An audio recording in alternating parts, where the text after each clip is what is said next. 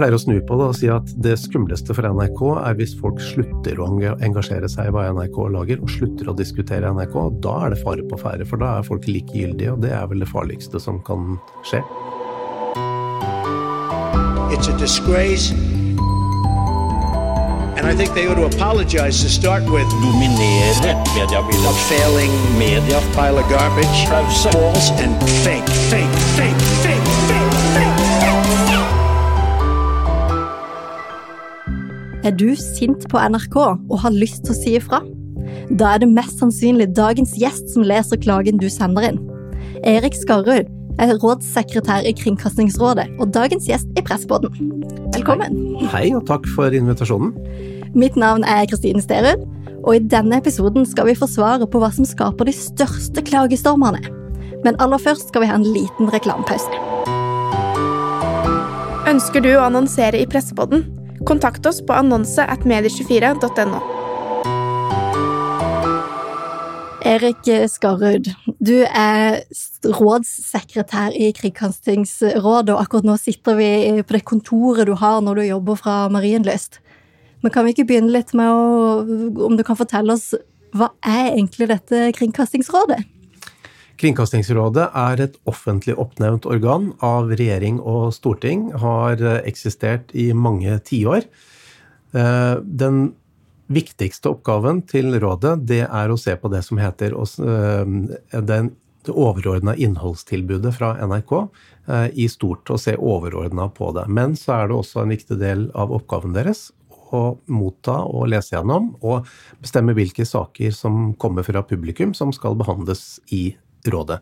Det er det overordna mandatet til rådet. Og det underordna, da? Nei, da ligger det jo mer De vil jo gjerne ta opp saker som eh, si, ligger dem eh, på hjertet. Eh, og de dykker jo ned i en del enkeltsaker også, så det er jo ikke alt som bare er det store og overordna perspektivet. Og det kan jo være klager de ønsker å behandle, som det er én enkelt klage, eller det kan være det som ja, på populært heter klagestorm. Klagestorm skal vi snakke litt mer om seinere, hva det vil si og hva du vil kalle en storm. Men jobben din er rådssekretær. Hva betyr det?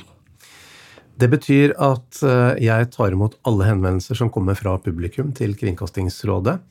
Eh, det er jeg som sørger for at eh, logistikken og møtene kan gjennomføres eh, på skikkelig måte. Jeg har god dialog med både rådsledelsen og med ledelsen i NRK, og koordinerer mellom rådet og NRK. Innhold, tematikk osv.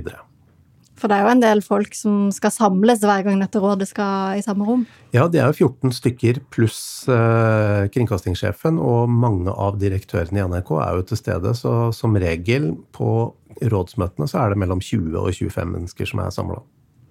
Du var litt eh, inne på det i sted, eh, men jeg vil likevel stille spørsmålet. Hvor mange klager må dere få på en sak for at det skal bli tema i Kringkastingsrådet? Uh, svaret er egentlig kun én, uh, og dette varierer. Um, primært så skal jo rådet se på det uh, som er de overordna sakene. Men det kan jo være én enkelt klage eller henvendelse som gjelder noe helt prinsipielt overordna viktig, eller noe som fatter rådets interesse. Så det, svaret er egentlig én henvendelse er nok. Eller vi snakker jo, som vi har sett et par ganger i år, flere tusen klager. Hvem er det som bestemmer hvilke saker de skal prate om?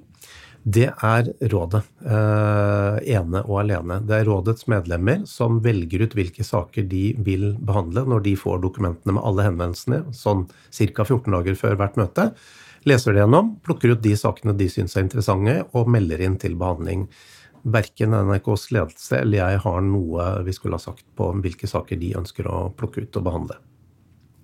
Det, Kringkastingsrådet går jo flere år eh, tilbake i tid. Vil du si at det har endra seg på måten de fikk oppmerksomhet før, og måten de får oppmerksomhet på nå? Ja, absolutt. Hvis du går en del år tilbake, ikke så veldig mange heller, så handla veldig mye av omtalen av Kringkastingsrådet om rådets eksistensberettigelse.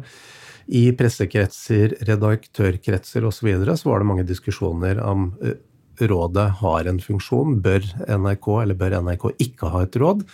Så det var veldig mye av premisset for omtalen rundt rådet. De senere årene så er den diskusjonen skal ikke si fullstendig parkert, for det dukker vel opp noen meninger om dette fra tid til annen, men de senere årene så er det mye mer diskusjon, og det aller meste handler om hva rådet faktisk skal behandle, og hva de uttaler seg om, og hva de enkelte rådsmedlemmene sier i rådsmøtene, og antall klager osv. Så, videre. så det, nå handler det i veldig stor grad om hva rådet faktisk befatter seg med. Hvilke konsekvenser får det hvis en sak har vært oppe i Kringkastingsrådet? Nei, altså Det er jo som det ligger i navnet, det er et råd oppnevnt av storting og regjering. Og et råd kan gi råd, eh, og så kan jo den som har rådet, velge om man eh, vil høre på det eller ikke. Men det er jo sånn at rådet kan ikke konkludere, rådet kan ikke pålegge NRK noe. Men eh, som kringkastingssjefen og toppledelsen i NRK sier, de er til stede på møtene. Det er viktig for dem. De hører på rådene eh, og tar det med seg. Og jeg vet at det er mange rundt omkring i NRK, både journalister og ledere, som sitter og følger med på rådsmøtene og hører eh, diskusjonene med interesse. Det er jo noen av de som eh, kritiserer eh, rådets eksistens, kan jo finne på å kalle det for et supperåd, eller at det er liksom en haug som bare sitter og synser om ting. Hva tenker du når du hører sånn type kritikk? Nei, for det første, folk må få mene hva de vil. Det er veldig greit. Og, og jeg, jeg, vet at den diskusjonen var i sterkere grad der før. Eh, men jeg mener, eh, er nesten pålagt å si det, men jeg mener virkelig at rådet har en funksjon. Eh, det er nyttige diskusjoner, og det er 14 mennesker som sitter i rådet med ulik bakgrunn, ulike interesser. Nå er riktignok mange av dem politikere eller tidligere politikere, men de kommer fra forskjellige partier, de har forskjellig bakgrunn og har forskjellige meninger. og jeg tenker det det at de har ulik bakgrunn, tilfører diskusjonene noe verdifullt som NRK hører på. Og det vet jeg eh, gjennom ledelsen i NRK, at de lytter til de diskusjonene som foregår i rådet. Og sånn sett så har det en funksjon. Så for de som kaller det et supperåd og annet, de må selvfølgelig få lov til det. Få lov til å kalle det for det. Jeg tenkte vi skulle snakke litt om dette med klagestorm. Mm. Eh, fordi det, ja, senest i det rådet som var nå senest, så var det jo det her med Bamsegutt og den dokumentarserien som NRK har hatt. Tidligere så har vi skrevet at det har vært klagestorm når det gjelder f.eks. Sofie Elise, eller nå i høst den her ACER-saken. Altså, hva du Hva skal til for at du kaller det en klagestorm eh, til Kringkastingsrådet? Jeg er veldig forsiktig med å kalle noe en storm, men jeg registrerer at det er mange journalister som er interessert i å kalle det storm, og jeg tror den definisjonen ligger ligger mye mer ute i redaksjonene og enkeltvis hos journalister enn det gjør hos meg. Men det er klart at når vi snakker om flere tusen klager, så kan jeg godt være med på at det er en klagestorm. Men i mitt hode så er verken 50 eller 100 klager en klagestorm. Hvor mange klager får dere? Hvis du går Nok en gang, da går noen år tilbake i tid, ti år kanskje, så var det vanlig at rådet fikk noen få hundre henvendelser hvert eneste år. Eh, og så har dette sakte, men sikkert økt, og de senere årene, kanskje spesielt nå de siste tre, fire, fem årene, økt ganske voldsomt. I år setter vi en solid rekord i antall henvendelser. Vi har nesten 17 000 henvendelser til eh, Kringkastingsrådet i år, eh, så dette har økt voldsomt. Nå tror jeg ikke det nødvendigvis er fordi NRK gjør mer galt, eller mindre galt for den saks skyld, enn før, men jeg tror oppmerksomheten rundt rådet har blitt mye større ved at rådet omtales mer i medier. Blant annet gjennom Medie24, som jo har vært en, eh, et mediehus som er glad i å omtale rådet. Glad i å omtale rådet. Vi, vi gjør det i hvert fall hver gang det, det er møte. Men, men, du sier 17 eh, 000. Altså, hvilke saker er det som har vært eh, mest aktuelle i år? Jeg ser du har printa ut litt sånn statistikk her. Ja, jeg må ha litt støtteark for å huske, men jeg husker jo sånn røftlig. Men den største saken både i år og gjennom tidene, det er den ACER-saken hvor det kom eh, veldig, veldig mange klager på eh, det som da ble påstått å være manglende dekning fra NRK på den saken i Høyesterett. 6640 er vel et sluttall som jeg har notert meg. Så det er jo tidenes eh, største klagesak. Og så husker jo sikkert du og eh, lytterne dine også Sofie Elise og Fetisha-podkasten eh, fra tidligere i år, som bikka 4600 klager. Så det har vært to store saker i år. Hva synes du om at det blir så mye engasjement? Jeg tenker at det er bra. Så er det selvfølgelig kan man diskutere om det er bra for NRKs omdømme og renommé at det blir sånne store saker. Men pleier å snu på det og si at det skumleste for NRK er hvis folk slutter å engasjere seg i hva NRK lager, og slutter å diskutere NRK. Da er det fare på ferde, for da er folk likegyldige, og det er vel det farligste som kan skje.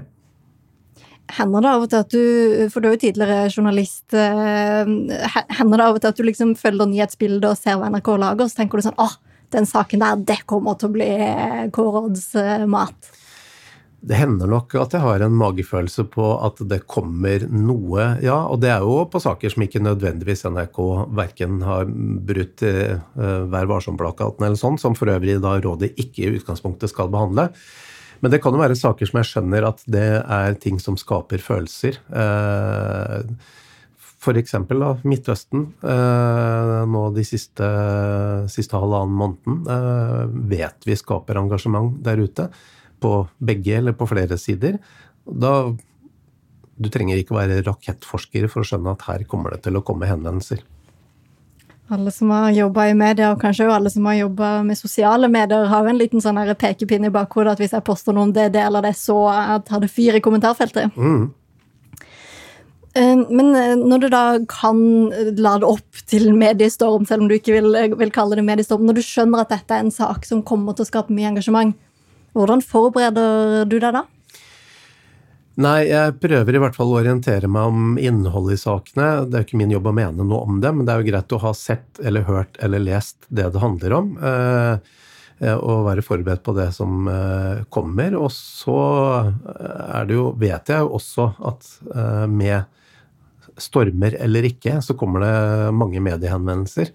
Eh, det er jo enkelte dager nå de siste ukene hvor jeg har registrert sånn 10-20 mediehendelser hver dag. Og det betyr jo at jeg må være oppdatert på tallene og på hva som rører seg. Eh, ja, den type ting. Så jeg er liksom mentalt forberedt på å svare ut spørsmål, for vet, da vet jeg at journalistene ringer. Hva er det journalistene spør om da?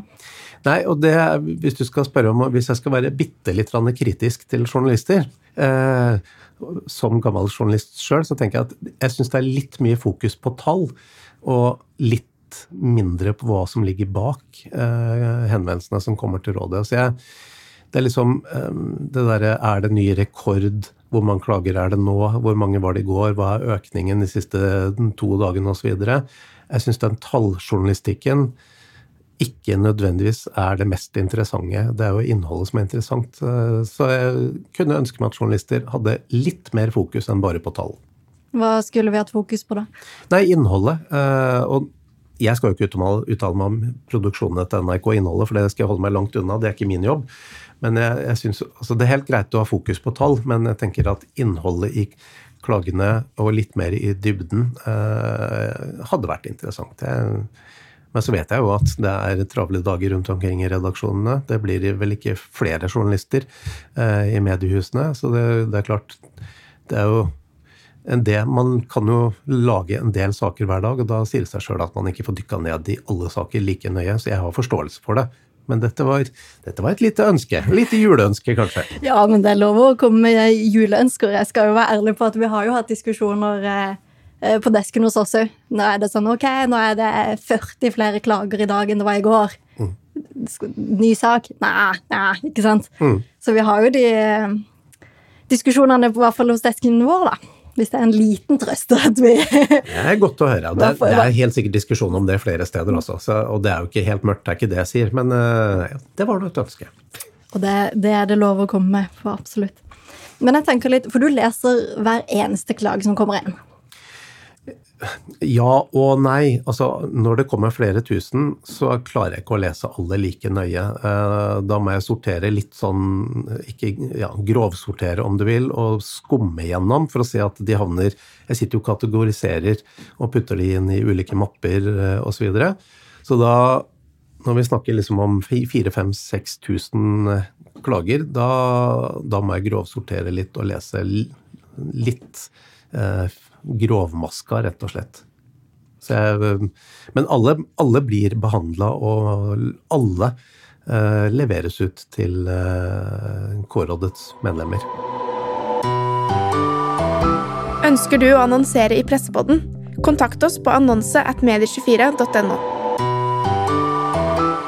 Hvis vi skal ta litt sånn gangen i det, da. Hvis jeg sitter hjemme hos meg sjøl, og så ser eller hører eller leser noe på NRK som jeg tenker sånn ah, at det går an. Dette er helt på trynet. Mm. Og så har jeg lyst til å si ifra til dere om det.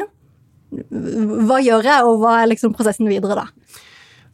Da er det jo en bra start å google Kringkastingsrådet og NRK, for da kommer du ganske fort til et skjema som du må fylle ut. Vi har et eget skjema og et saksbehandlingssystem. Eh, så man fyller ut navn, e-post og hva man vil eh, henvende seg om, enten det er klager, som jo er de fleste, skal vi ikke legge skjul på, men det hender jo av og til at NRK får ros også. Fyller man ut skjemaet, det havner i et saksbehandlingssystem som jeg går gjennom stort sett hver eneste dag, og ser hva er det som har kommet nytt i dag, sorterer. Um, ehm, 14 dager før hvert møte så samler jeg opp alt i et felles dokument, kategorisert og sortert. Sender det ut til rådets medlemmer og til NRKs ledelse, for den saks skyld. Eh, rådets medlemmer bruker tid på å lese gjennom alle dokumentene, og så, noen dager før rådsmøtet, så melder de til meg hvilke saker de ønsker å klagebehandle. Når de har gjort det, så har jeg et møte med rådsledelsen, dvs. Si leder og nestleder i rådet, og bare går gjennom hvilke saker som har kommet, om det er noen vi skal være litt oppmerksom på, eller det er noen ting som vi bør gjøre med dem. Ehm, og så eh, blir jo dette til en pressemelding. De som har klager, som har sendt inn klager som skal behandles, får beskjed om det gjennom dette saksbehandlingssystemet, om at din klage vil bli behandla på kommende rådsmøte. Og så er det da klargjøring av strømming av møtet osv. osv. Og da kan det tenkes at det er min klage som blir, eh, blir eh, diskutert. Mm. Men jeg lurer på, for vi har jo, så, Siden vi dekker rådet, så får vi ofte tilsendt disse klagelistene. Så jeg har jo lest en del av disse klagene som kommer inn. Eh, og ikke liksom til forkleinelse for de som sender inn.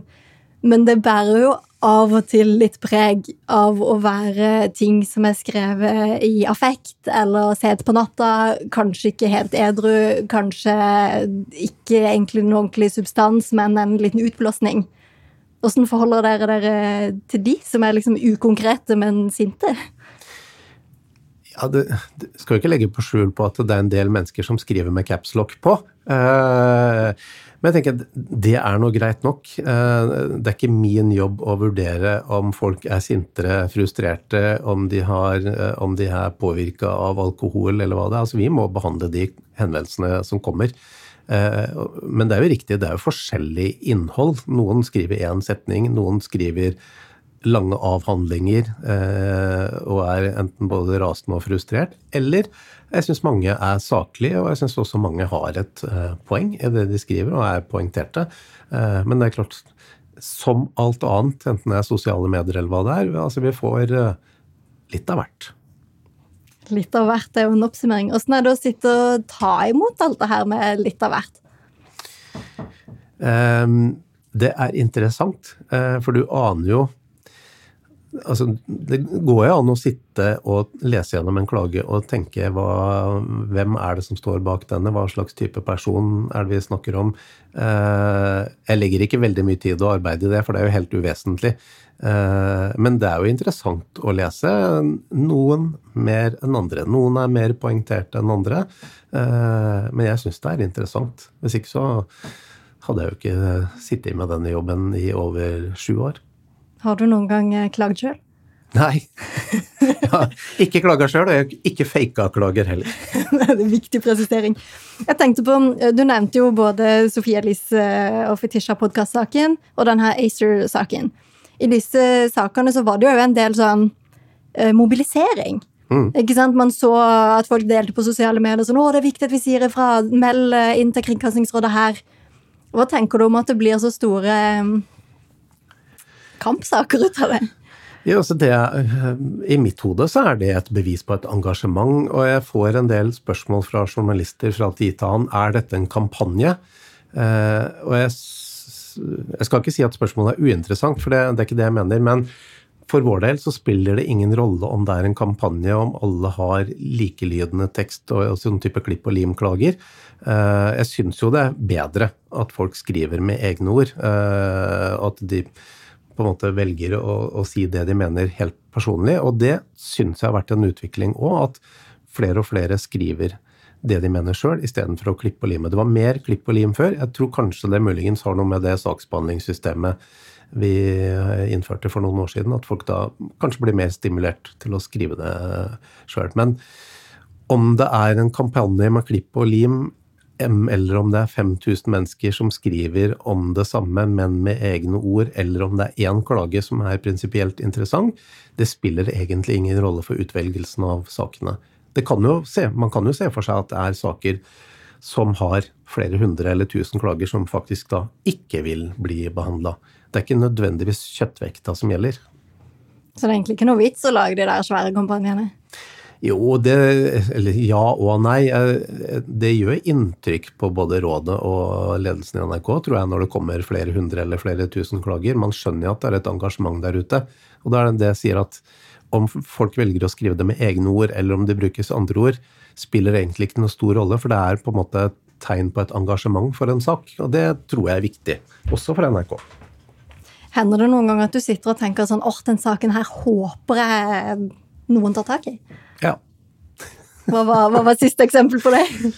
Nei eh, Jeg satt vel og tenkte i mitt stille sinn til dette møtet at eh, andakten, omlegging av andakten, eh, at den er tatt bort fra P1, det tenker jeg det er en prinsipielt overordna viktig sak som jeg satt og tenkte at den håper jeg noen tar tak i, og det var det noen som gjorde, og den ble behandla.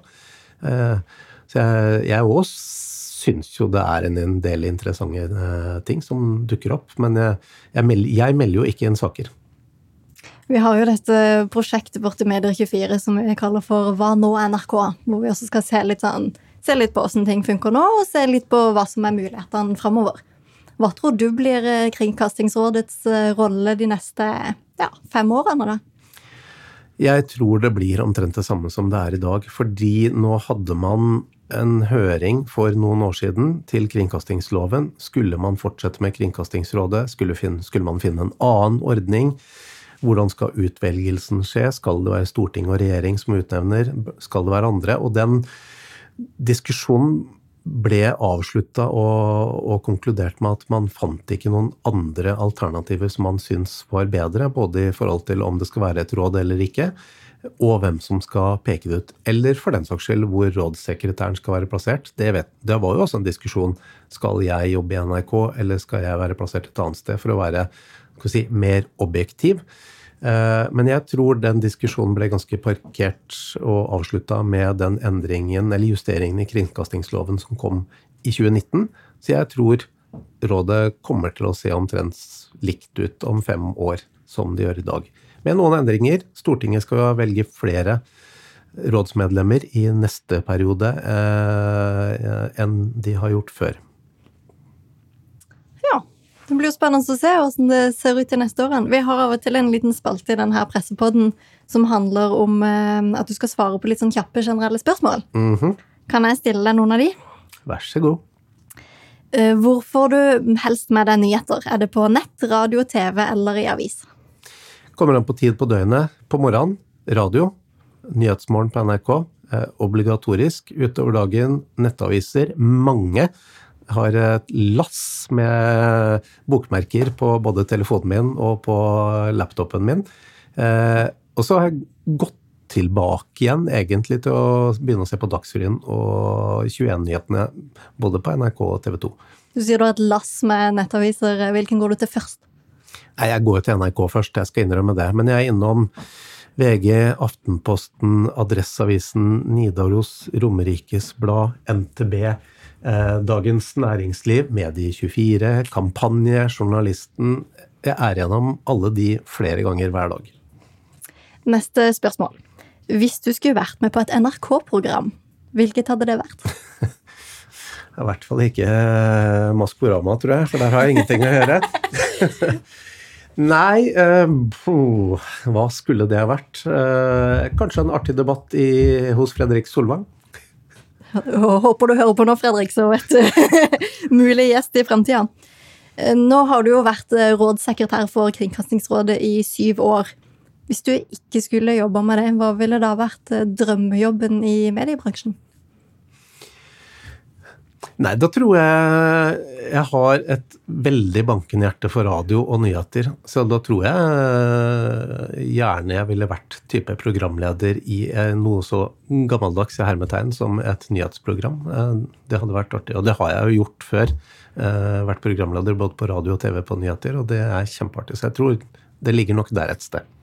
Ah, da var det jo synd at den nye ledige stillingen i Nyhetsmorgen nettopp ble kapret av en Linn og det var et veldig bra valg, tenker jeg. Siste spørsmål er rett og slett eh, hvem beundrer du mest i mediebransjen? Oi um, ja, Det var et vanskelig spørsmål. Uh, jeg vet ikke om jeg vil plukke ut noe uh, jeg, vil, jeg vil ikke si et navn, men jeg tror jeg vil si generelt de journalistene som er flinke til å grave fram store og viktige saker med samfunnskritiske spørsmål. Eh, så det er mer funksjonen enn en enkeltperson. Mer funksjon enn enkeltperson. Da tar vi med oss det. Og så ønsker vi deg lykke til videre i eh, klagelesing til eh, Kringkastingsrådet. Takk for at du var gjest i Pressbåten, Erik Skarud. Takk for at jeg fikk være med. Mitt navn er fortsatt eh, Kristine Sterud. Ansvarlig redaktør for denne podkasten er Cornelia Christiansen. Og teknisk ansvarlig er Sebastian Manrikes. Takk for nå.